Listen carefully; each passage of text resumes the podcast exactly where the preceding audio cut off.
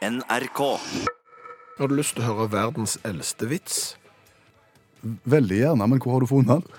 Jeg har funnet den i en vitenskapelig artikkel for doktor Paul McDonald fra universitetet i Wolverhampton. Høres ut som en sang. Sånn, doktor Paul McDonald. McDonald. Han har doktorgrader. Eh, jobber ved universitetet i Wolverhampton og er litt av en skøyer, og har da eh, drevet og, gravd litt eh, og, og funnet verdens eldste vitser. Ja, og, og vi skal ganske langt tilbake. Altså, verdens eldste vits er fra 1900 år før Kristus. Oi. Ja. Eh, Men før vi går løs på den, eh, så kan du få høre den tiende eldste. Hvorfor akkurat den? Jo, for den er henta fra verdens eldste vitsebok. Oi. Ja, Hvor fant de verdens eldste vitsebok? I Hellas. Eh, eh, 400 år etter Kristus er verdens eldste vitsebok. Den er skrevet da av Hierokles og Philagrius. Jeg tror det er grekernes vitseversjon av Asbjørnsen og Moe. Oh, ja. Ja. Kan vi få høre verdens tiende eldste vits? Er han god? Han, han er der iallfall. Han er interessant. Ja, eh, altså dette er jo da en konge eh, som skal gå og klippe seg hos sin eh, frisør, sin barberer. Og da har han jo selvfølgelig en sånn hofffrisør. Ja. Eh, det har han jo. Han har ikke, går ikke til den vanlige. Så hofffrisøren spør da kongen hvordan vil du ha hårklippen din Hva svarer kongen da? i stillhet. Å ja. Det var vitsen. Ja, det var vitsen. Så egentlig så er det på en måte en kommentar til frisører som kanskje snakker mye mens du klipper deg. Ja, så- så kongen ville ha fred. Ja, ser du det allerede i år 400. Og der omkring så drev eh, frisørene med smalltalk, og ble da verdens tiende eldste vits, men verdens eldste vitsebok. OK. Eh, det er jo eh, mange før vi egentlig kommer til ti, men skal vi hoppe til den nest eldste? Ja, la oss gjøre det. Ja, eh, Da er vi i Egypt, 1800 år før Kristus. Eh, Dette her er da visstnok funnet på et eller annet papyrus. En vits på papyrus. Ja, Er den god? Den er, den er der, den den er der, den òg, ja. Eh, vitsen er som følger. Eh, hvis du skal underholde en farao som kjeder seg, hva skal du da gjøre? Ja, hva skal du gjøre? Da skal du seile en båt full av unge kvinner kledd i fiskegarn ned Nilen, og så skal du be faraoen om å fange fisk. Og så slo de seg på låret og lo når de fortalte den. Ja, jeg vet ikke om de slutta med hun sa så brura òg, men eh, den er vel Han var jo ikke så gøy. Nei, men så, så lurer jo jeg litt på hvordan de er Altså, den er jo visstnok funnet på papyrus. Ja. Og, og eh, da er det jo noen som skal tolke den, og så er det jo han her, han Paul McDonald, da, som skal få det over til engelsk, og så skal jeg simultanoversette den til norsk. Det kan jo hende at det forsvinner et eller annet komisk eh, fra papyrusen fram til meg. Men det var verdens nest eldste. Ja. Var det, altså Spørsmålet var hva var det Hvordan du skal underholde en farao som kjeder seg. Ja. Ja. Da kunne et annet svar vært gi han en sfinks. Den hadde vært bedre. Ja, det var sikkert før konfekten, dette. Det er sant. det er Ja, sant. Beklager. ja. Eh, Da går vi til den eldste. Her kommer verdens eldste vits. Ja, den er 100 år eldre enn den nest eldste. Den er fra 1900 år før Kristus, fra Mesopotamia. Aha. Er Ja. god? Ja, han er den. Jeg, forstår, jeg, vet jeg, han, jeg vet ikke om jeg forstår han engang, men han er der. Men for de som eh, lurer, Mesopotamia, eh, det er landområdene mellom elvene Eufrat og Tigris i oldtida. Altså det som er sørøstlige Tyrkia, nordøstlige Syria nå og dagens Irak. Mesopotamia, der var det litt av noen skøyere. Nå er jeg spent på å høre verdens eldste vits. Hva er det som aldri har skjedd i helt uminnelige tider? Vet ikke. At en ung kvinne fiser i fanget til ektemannen sin. Lagde de fisevits 1700 år før Kristus? Og 1009. 1900? Ja, ja, ja, du, men du må, ikke, du må ikke skyte budbringeren her, for det er ikke jeg som har skrevet denne vitsen. Han er utrolig svag. Jeg forstår han ikke engang. Altså, jeg tenkte såpass grovt Ja. At jeg tror jeg skal ha den tanken for meg sjøl. Altså, hvorfor er det, har det aldri skjedd i uminnelige tider at ei unge kvinne har fese i fanget til ektemannen sin? Det, det, og jeg har en tolkning der som ligger inni hodet mitt, men den tror jeg holder for meg sjøl. Ja. Ellers kan jeg ikke se noe komisk poeng i den. Nei. Men han er gammel, det skal han ha. Han er gammel, verdens eldste. Svaret i dag er kolon briller. Ja, Det er onsdag, og det betyr konkurranse i radioprogrammet Utakt, og svaret i dag er kolon briller. Og så er jo spørsmålet kolon. Eh, Hva er spørsmålet? Ja, kolon. Hva er spørsmålet? Det var mye kolon nå. Ja. Nå begynner snart folk å tro at svaret på konkurransen i dag er kolon. Det er det jo ikke, for det er jo briller. Briller er svaret, men hva er spørsmålet? Konseptet begynner å bli kjent, men hvis du ikke har hørt om dette her før, her er en kort innføring. Ja, det er rett og slett å bare finne et godt spørsmål som passer til svaret briller. Ja, og det kan være et humoristisk, det kan være et lærerikt, det kan være et tankevenkende, hva som helst. Vi har fått noen inn allerede, for vi har lansert eh, konkurransen i vår Facebook-gruppe, og her er et par eksempler på hvordan det kan virke. Synnøve, for eksempel. -hmm. hva, eh, hva knakk jeg stengene på i protest som treåring, og hva er fremdeles nokså upraktisk i frikamp på karaten? Det er spørsmålet. Svaret er da briller. Knekke brillene i protest. Eh, Da er du oppstandas i liten treåring. Du er det. Ja. Bjørn, eh, hva sovner alltid kona mi med på nesen? Det er briller, det. Og Kjetil, med en lite, en, et lite paradoks. Hva er det vanskelig å lete etter når han har mista Med brillene. Ja, ja, det er jo sant, fordi at du ser jo ikke brillene, fordi at du bruker briller fordi du ser dårlig. Nettopp. Ja. Og når du da skal se etter noe uten å se godt, Ja, det er ikke godt. nei, Nei. det er ikke godt. Det var nesten sånn sebravits. Ja. Ja. Men vi skal ikke ned den veien. Vi skal ikke det. Nei. Men har du lyst til å delta, så kan du vinne Utakts T-skjorte med V-hals. Da må du finne et godt spørsmål, og så må du skrive det ned og sende det til oss ad to kanaler. SMS til 1987, start meldingen med Utakt, koster ei krone. Og så har vi òg ei Facebook-gruppe som heter Utakt. Der kan du legge det inn. Fordelen med den er at da kan du se hva de andre har stilt spørsmål om. Har du lagt merke til og tenkt på at eh, matretter smaker og oppleves ulikt etter hva tid på døgnet du spiser de, og òg etter hva årstid du spiser de på? Jeg har ikke brukt mye tid på å tenke på akkurat det, men jeg, eh, jeg tror jeg følger deg på tanken. Ja, for, for hvis du går løs på eh, middagsmat, kumle, raspeball, potetjuk, eller hva det heter rundt omkring i, i landet vårt, har ulikt navn. Hvis du spiser den på en torsdag, for eksempel, kumletorsdag, rundt middagstider, så smaker den jo fortreffelig. Ja, ja. ja. Eh, Spiser du den til frokost på en mandag, Mm. så smaker det helt annerledes. Altså, det er fremdeles godt, men opp opplevelsen av potetsjuk, eh, kumle, raspeball er ikke den samme mandag morgen som det er på torsdag ettermiddag. Nei, det er jeg enig i. Ja. Kan du snu på det og si eksempel en frokostrett, typiske frokostrett? Vil den smake annerledes hvis du flytter den til andre tider på døgnet også? Altså, går du på frokostblanding til kveldsmat, så smaker den mye som frokostblanding, jeg føler jeg. Men går du på frokostblanding eh, klokka fire på ettermiddagen, så eh, er det et eller annet moment der som gjør at det ikke helt stemmer. Så føler du at det, oppleves og smaker litt annerledes. Det samme med pinnekjøtt i juni. Det går ikke. Altså, det går. Jeg har spist det, jeg, i juni. ja. Og det smaker jo pinnekjøtt, men det smaker ikke som pinnekjøtt på julaften. Da er det en del av de rammene som ikke er til stede, som er med å påvirke smaksopplevelsen. da. Ja, Hva med kebab på vei hjem? alltid godt. Alltid godt, men da er du gjerne seint på natta. Ja, ja, ja. Men, men Kjempeseint på natta. La oss nå si at du er på vei altså Det gjelder jo ikke oss, selvfølgelig, vi er jo hjemme til Kveldsnytt. Ja, ja, vi er jo så gamle at vi er jo hjemme til Kveldsnytt. Men klokka tre, for eksempel, tre på natta, er det Ja. mange som spiser kebab. Ja, ja.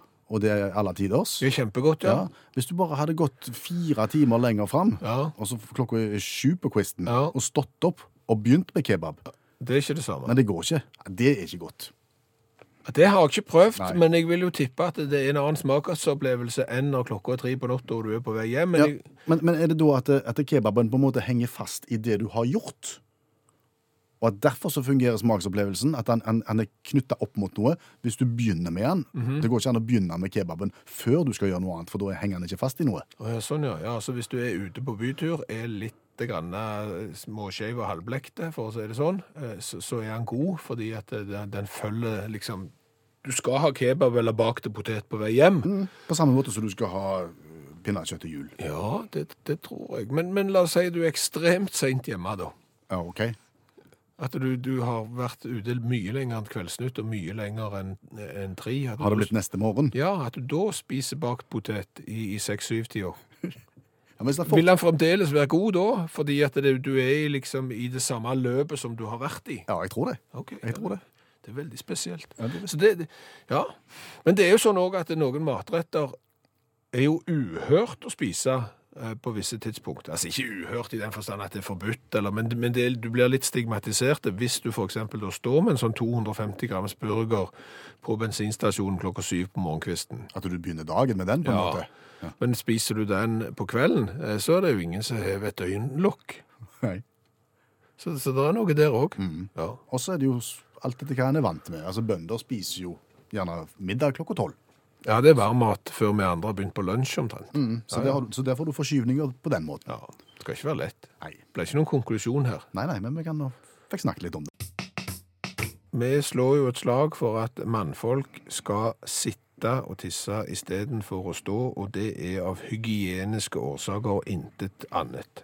Det blir søl når menn står, Ja. og det skal bare én ståer til for at andre også må stå, for at da har det allerede blitt søl. Men hvis alle sitter, så unngår vi søl. Ja. Og, og der er tråder i Facebook-gruppa, og vi har fått meldinger, og der er debatter, og det er ikke måte på så det engasjerer. Og, og en litt artig historie i Sitt og Tiss-aksjonens historie her nå, er jo den fra Einar, som har vært på montørkurs hos en tysk kjøkkenprodusent. Hva lærte han der? Jeg håper de lærte litt om å montere kjøkken, da. Ja. Eh, Men eh, han lærte det at de skal sitte når de låner kundens toalett. Oh, ja. Det lærte de på tysk kjøkkenprodusent-montørkurs. Det er tysk ordning. Det Ja, er det. ja. Thomas har eh, et forslag som kanskje kan få flere til å- sitte. Hvis du da har et oppslag på doveggen eh, hvor det står eh, følgende For å deaktivere videoovervåkningen av dette rommet må du enten sitte på doringen, eller dolokket må være nede. Hvis folk biter på den, så, så har, jo, har det jo sin misjon. ja, hvis folk biter på den, så er de ikke så smarte heller. Nei. Men det er nå så. Eh, Marte, senke taket. For at det skal være umulig å stå. Og det er jo en idé hvis du ser for deg et, et toalett som er i et, altså en liten, hva skal du si, en, en liten gang eh, som er litt låg, sånn at du må rygge inn og sette deg. Men samtidig så må ikke toalettet stå så nærme åpningen av denne gangen at du kan stå og, og langtidssikte, og, hvis du skjønner. den er ikke lett. Nei, den er ikke, den, den er ikke lett. Nei. Men, men dette med søl fra mannfolk som står og, og, og tisser, det er jo ikke eh, noe nytt. For har du lagt merke til at er noen steder så kan du finne et toalettsete som ikke er ovalt, men som er mer som en U? Eh, Ja, altså er han på en måte er U-en brutt på en måte også? Er det det du mener? Ja, altså han er, han er en U med, med, med åpningen eh, av U-en mot deg, der du ville stått og tist. Har du sett de? Ja, ja. ja. Jeg har nå funnet en artikkel i en engelsk avis som omtaler nettopp dette fenomenet, og liksom hvorfor i all verden er det sånn, er det mange lesere av denne avisen som har lurt på. Og det er jo for å unngå søl. Fordi at når mannfolk står og tisser, så kommer du gjerne til å tisse på kanten. Og, og til og med også hvis mannfolk sitter og ikke gjør dette helt riktig, så, så kan de fyre løs med, med høyt trykk, og så, så blir det eh, litt søl. Og da har noen amerikanere visstnok utvikla dette U-toalettsetet, som gjør sånn at de som sitter på toalettet, når de skal tørke seg, så slipper de å komme borti den her dolokket Doringen. framme, doringen framme, når du tar hånda ned. Spesielt mynta på damer, da, visstnok. Du kommer jo borti porselenet. Ja, så Og det er ikke rent det heller, Nei, så, så den, eh, han er ikke ferdig tenkt den heller, men, men det bare viser at dette er jo et problem som har vært lenge, og som folk har eh, tenkt på hvordan i all verden skal vi løse, og kommet frem til ulike løsninger. Mm. Jeg vil jo si at eh, japanerne for eksempel, de er jo inne på det. Hva er det det gjør? De har jo sånne toalett med, med spyleanordninger i. Ja. Eh, og, og jeg vil si som mann at når du først har fått smaken på spyl og føn, så vil du aldri mer stå. Oh, ja. Så det trigger jo den der følelsen at du har lyst til å sitte. Samtidig så vil jeg jo tro at det er litt dumt å stå når det begynner å spyle. ja, det kan Så, vi så der tror jeg, tror kanskje japanerne er inne på det. Okay. Eh, Jan Ølnes, Mhm. han står sterkt for å stå. Og han er på den sida? Ja, han er på den. Han er en fraksjonist, en separatist, kaller han seg selv i denne sammenhengen. Og han har lagt et innlegg på Facebook-gruppa vår der han slår et slag for å stå av ulike årsaker. Og et av de momentene han trekker fram i at han vil stå, er at eh, du må videreføre the noble art of fisking og vipping. The noble art of fisking og vipping. Ja, det var mine ord, men det er jo det Hvis du sitter på toalettet, så tar du jo ned buksa til knærne. Ja. Og da er det jo ikke noe behov for å fiske fram tisseluren eh, enten gjennom gulfen, eller hvis du har boksershort, og vippe den over kanten. Og det er jo faktisk Altså, det er jo et er et fag. Ja, det, det, det er litt kunst. Ja, det er litt kunst. Ja, ja. Så, så akkurat det, Jan, skal jeg være enig i, at uh, sitting uh, gjerne fjerner the noble art of fisking og vipping. Har du ikke lyst til å starte vignetten for dagens revyvise bare fordi at jeg som skal synge? Jeg har litt bange anelser i dag, for, fordi at jeg vet at det er noe litt spesielt på gang i dag. Ja, normalt sett så synger vi jo den samme visa, ei eldgammel eh, Chat Noir-vise. Eh, I dag har jeg valgt en annen, eh, en sang av The Police. Mm, kan du si noe om hvilken sang av The Police? Ja, det kan jeg godt si. 'Message in a Bottle'. Flaskepost. Mm. Temaet er flaskepost. Riktig. Fordi en sak fra CNN her, en liten gladsak fra CNN, handler da om en ti år gammel gutt som heter Max Vredenburg, som bor i Massachusetts. Massachusetts. Massachusetts. Ja, ikke så langt ifra Boston. Mhm, som skal fram. Ja, det er slagordet til byen Boston. Boston skal fram. Ja. Eh, Han hiver da flaskeposten i sjøen i eh, 2010, og i 2019 så blir den funnet i Frankrike. Ni år senere. Ja. Det er jo en fantastisk historie. Ni år senere, også så langt av gårde. Ja, det er jo nettopp det. Og det da jeg eh, tenker at nå er det på tide å være litt moralist. Fordi at denne gladsaken her har jo spredd seg eh, viralt rundt hele verden, og da frykter jo jeg at andre tiåringer har lyst til å gjøre som Max, finne fram tomgodset sitt, fylle det med papir og hive det til sjøs. Og du vil ha et miljøperspektiv på dette. Jeg vil ha et miljøperspektiv, og jeg tenker at nå i 2019 så er vi ferdige med flaskepost. Flaskepost var kjekt når du skulle sjekke havstrømmene i gamle dager og finne ut hvor de faktisk gikk. Nå vet vi dette, og nå trenger vi ikke hive mer tomgods på havet enn det som allerede Tror du det er et veldig stort problem at det flyter flaskepost nå? Nei, Havene fylles opp. Nei, men ei flaske her og ei flaske der eh, blir fort eh, Så derfor har jeg skrevet ei revyvise på melodien til 'Message in a Bottle', altså flaskepost, der jeg rett og slett moraliserer litt. OK, la oss høre.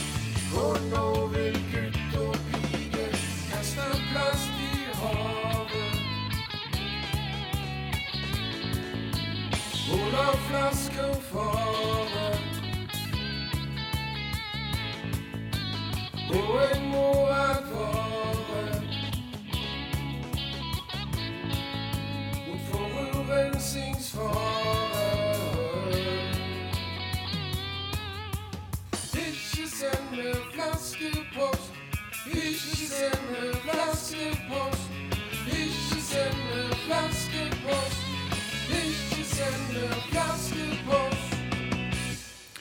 Bjørn Olav Thunberg Skjæveland. Ja, Det er deg og Greta nå. Ja, ja. Jeg, men vi hiver ikke mer flaskepost nå. Vi er ferdige med det. Klokka er kvart på tolv, og vi skal gi vekk ei utakt T-skjorte med V-hals til dagens beste spørsmål. Vi har hatt konkurranse. Svaret var briller, og vi har spurt etter et godt spørsmål. Mm, og det er kommet veldig, veldig, veldig veldig mange. Skal vi ta og gå løs på noen av de? Eh, Gard begynner, vær så god. Hva lurte jeg foreldrene mine med at jeg måtte ha som barn fordi det var kult, men endte opp med å måtte bruke pga. dårlig syn som voksen? Briller. Ja. Robin, eh, hva måtte jeg ta på meg for å lese dagens svar på Utakts i Facebook-gruppa? Det er briller, det. ja, det er de samme brillene, så jeg må ha sikkert lesebriller. Roy, hva er ikke lurt å ha på seg når du står i mål eh, når du spiller fotball? Det skjønner vi. Det er briller. Ja, Hilsen en som sto i mål som tiåring, og siden aldri har gjort akkurat det. Frode spør hva var det Robbie Williams, verdensstjerna, fikk låne av meg under en albumsignering i Oslo, og som han aldri leverte tilbake igjen? Brille, Går Robbie Williams rundt med brillene til Frode? Det er tøft. Det er kjempestilig. Jan, Jan, til hva har jeg kjøpt joggeband skråstrek strikk som familien nekter meg å bruke offentlig? til brillene. Jonny har et eh, tilsvar til akkurat den. Hva kan en mann ha hengende i en snor rundt halsen dersom han likevel har gitt opp å få seg dame? Som briller, ja. med Briller i tøy. Ja, for når jeg fikk briller for et par år siden, så spurte jo optikeren om jeg skulle ha med sånn pansjosnor. Hmm. Den er ikke fin. Det er ikke fint. Silje, hva forbyr japanske arbeidsgiver kvinnelige ansatte å bruke på jobb? Det er briller, det er en sak som har skapt stor internasjonal oppmerksomhet den siste uka. Hans Einar, hva gjør deg blind når du åpner en varm stekeovn? Å, det vet jeg alt om. Vaff, sier det, og du ser ingenting. Heidi, hva ble lagt i år 1284 i Italia? Det kan vi ikke dokumentere, men ifølge Heidi så er det altså da briller. Bente spør, eh, hva bruker folk som har begynt med linser fortsatt å dytte opp? Du går og- og dunker deg sjøl på pannen. Ja, når du ikke har briller? Ja, ja. ja, ja. Sven, da? Hva har jeg mest av under kaien? Mulig Sven er fisker. Ja, det er i hvert fall, Sven har iallfall bøyd seg over riba mer enn én gang når han har vært ute på sjøen. Mm. Og Mariann har jo en i samme, samme stilen her. Hva måtte jeg igjen bruke pølseklypa for å fiske opp av doen? Brillene henger jo ikke helt fast oppå hodet. Au. Håper du vasket pølseklypa før du skulle bruke den igjen. Det håper jeg. Og apropos pølser. Geir spør hva lager en wienerpølse knekkelyd når du setter deg på dem? Det er brillene. OK, skal vi ta, ta pallen? Ja. Eh, Tredjeplass går til Bent. Hva hang jeg over shortsen når jeg skulle på toalettet i Syden? Glemte, dro og bada i Middelhavet, mista i vannet uten å merke det. Kom opp av vannet, fant de ikke, sovna i sola, gikk og bada igjen.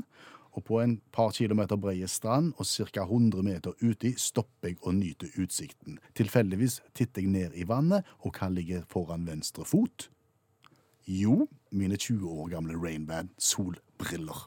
Fantastisk historie. Sann historie, ifølge Bent. Det er jo sykt. Tove, hva ligger i godstolen når du har det travelt og bare skal sette deg ned et lite øyeblikk i godstolen for å sjekke at du faktisk har med det du trenger i veska før du går? Der ligger brillene. Mm. Vinneren i dag Anestesi-Siri kaller hun seg. Eh, Jeg ville foreslått Anestesiri. Enda bedre. Ja, anestesi-Siri er bra, men anestesiri er bedre. Ja, Og historien er enda bedre. Hva hadde pasienten gjemt i underbuksa? Hæ? Hør nå. For mange år siden fikk vi inn en eldre pasient på operasjonsstuen. Han hadde før operasjonen fått beskjed om å oppbevare verdisaker på et trygt sted. Etter at han hadde fått narkose, skulle han forberedes til operasjon, og da måtte underbuksa av. Og i den lå brillene, gebisset og en hundrelapp. Altså alle verdisakene. Jeg bare ser for meg den følelsen når du drar opp gebisset av underbuksa til noen. Og brillene. Gratulerer, Anestesiri. Du skal få uttak-T-skjorta med vedhals, og tusen takk til alle som er med og bidrar. Hva har vi lært i dag? Åh, vi har lært uh, mye. Bra? Iallfall ganske mye. OK. Ja. Eh, Vi har jo blant annet lært at en fisevits er verdens eldste vits. Hvor gammel var han? 1900 år før Kristus. Vi skal til Mesopotamia. Det, det er nedi der i, i Irak og, og, og der omkring. Og den var ikke spesielt god heller. Nei, men nå skal jo ikke vi helt eh, ta livet av den som eventuelt har skrevet den vitsen, for det, han er jo død allerede. Men, eh, for det kan jo hende at det har gått noe av humoren har forsvunnet i diverse oversettelsesledd, hva vet vi? Ja. For vitsen er som følger, eh, noe som aldri har skjedd i uminnelige tider, hva er det? Og det er At en ung kvinne har fese i fanget til ektemannen sin. Ja, OK. Det er sikkert noen som har forsvunnet på veien. Ja, for den er ikke god. Eh, Så har vi lært det at matretter de kan smake ulikt, eh, annerledes, alt etter hva tid på døgnet og eventuelt hva tid på året du spiser de. Ja. Altså pinnekjøtt i juni smaker ikke som pinnekjøtt på julaften. Eh, og, og varm mat klokka ni på morgenen smaker gjerne ikke som varm mat klokka fire på ettermiddagen. Og Bent har lagt ut et innlegg på Facebook-gruppa vår, der han beskriver dette fenomenet veldig bra, for det er kulturelle forskjeller. Han har ei kone som gjerne har kylling og ris til frokost, mens han klarer ikke det. Eh, Så har vi jo lært det at eh, en flaskepost kan bruke ni år på å krysse Atlanterhavet. Heve i fjorden ut forbi Boston i 2010, havna i Frankrike i år, i 2019. Og til slutt så har jeg jo lært av Kåre eh, hvordan Nimegen uttales. Fordi at vi sa nemlig Nimegen i, i byen, stedet i, eh, I Nederland. i Nederland i går, og, og han sier at det er riv ruskende galt. Det er riv ruskende Hvordan skal han vite det? Nei, fordi at han har jobbet på Schiphol på flyplassen ut forbi Amsterdam, og han har sendt meg en lenke hvordan vi skal uttale Nimegen. Nijmegen. Nijmegen. Nijmegen.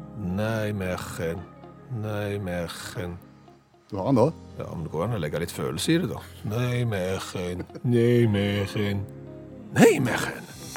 Hør flere podkaster på nrk.no podkast.